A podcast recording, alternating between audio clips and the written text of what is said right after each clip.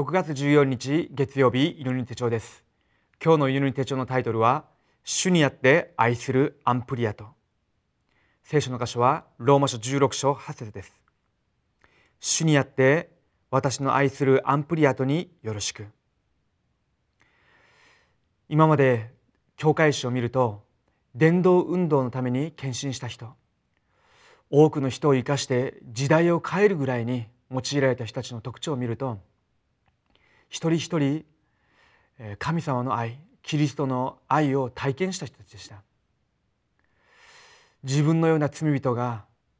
神様の恵みによってキリストを信じて救われたこと。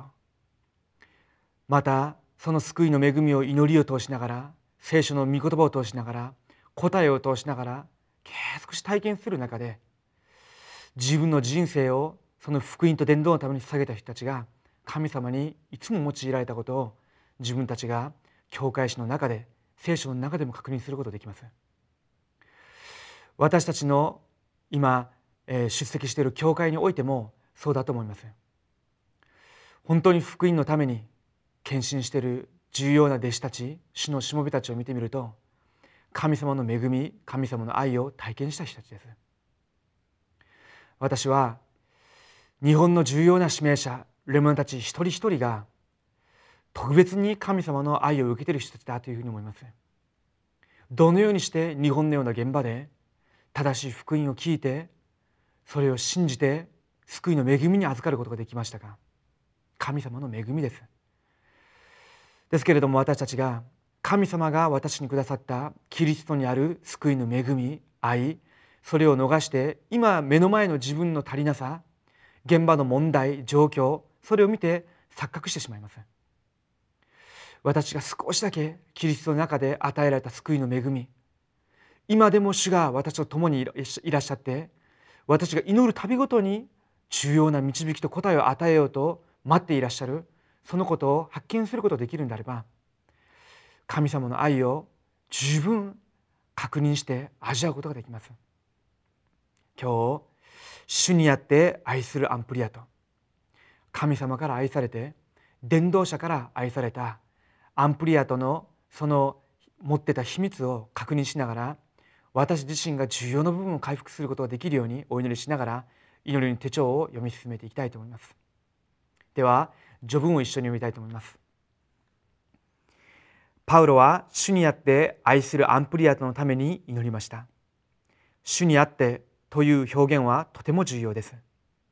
アンプリアトはユダヤ教とローマ政府の迫害と汚名の中でどのようにしてこの祝福を受けたのでしょうか？一つ目です。神様の愛を受けた者神様の愛をたくさん受けた人はどんなことにあっても勝利します。神様の愛を受けているために揺れません。神様の愛をたくさん受けたヨブは財産と子供を全部失いましたが主は与え主は取られると告白しました。そして神様を待ち望みながら大きい答えを受けました。ヨセフは信仰が良かったというより神様の愛と答えをたくさん受けたので揺れませんでした。教会史の大きい人物も神様の愛をたくさん受けた人です。2番目です。すべての人を生かすもの。神様の愛を受けると死んでいく人々を生かすものになります。人は誰に出会うかによって変わります。滅びを受けるべき人が助かったり素晴らしい人が失敗したりします。神様の愛をたくさん受けた伝道者パウロに出会った人にはどんなことが起きたのでしょうか？アンプリアトはもともと奴隷でした。しかしパウロに会って福音を聞いてドミティッラという王族の家系の一員となるほどの大きな祝福を受けました。神様の愛を受けた人に出会うとどんな人でも神様の祝福を受けて全てが生き返ります。本当にキリストの中にある救いの恵み神様の愛を毎日毎瞬間瞬間確認している人。そういった人と接してみると本当に神様がこの人と共にいらっしゃるんだなそのことを感じます。また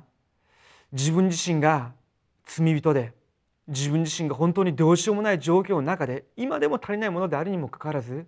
神様が自分に恵みを与えて導いてくださってるんだと。そのことを認めているので周りの人たちに対してもそのキリストの中にある恵みを持って見るそういった目や姿勢言葉を見ることができます。私自身もそういった先輩であったりまたそういう弟子たちに会う時ごとに自分自身の信仰の、えー、薄っぺらさというか自分自身が本当に神様の救いの恵み神様の愛をどこかで忘れてしまってるんじゃないかそういうふうに思わされることがあります私が少しだけこういった部分に改めて気づいたとしてもその時から精霊が私の心に働きを起こされると思います。では3つ目です。誠の福音を味わった者。誠の福音を味わった人は神様の愛を感じることができます。誠の福音の味を味わった者の意味は何でしょうか？人生がなぜ滅びるのか？生きていく理由は何か？これらの理由を悟って全ての問題の解決者はキリストであることを知って味わいながら感謝する人です。そして神の国の奥義と精霊の満たしの力を知っていてこれに関する重要な証拠を持っている人です。神様の愛を受けたパウロとアンプリアトがまさに誠の福音を味わった人々なのです。今日のフォーラムの主題です。福音を持っている人はどんな環境の中でも勝利し誰に会ってもその人を生かすようになります。お祈りします。生きておられる神様に感謝を下げます。神様が私にキリストイエスにある救いの恵み神様の大きな愛の中で私を神様の子供としてくださったことを感謝します。救われただけではなくて今でも神様が大きなその愛と慈しみを持って私を取り囲み今も導いてくださっていることを感謝します。自分の弱さ自分の霊的な問題環境その中で騙されて錯覚しないでいつでも自分自身に向けられた神様の愛キリストの中で与えられた身分と権威を持ち主の御前で祈る時間時間ごとに神の御国が私の現場に臨み精霊の充満と現場での証拠を体験させてくださり神様が私に与えてくださったその愛を現場で伝えることができる伝道者として立たせてください。生きておられるイエス・キリストの皆でお祈りします。アーメン。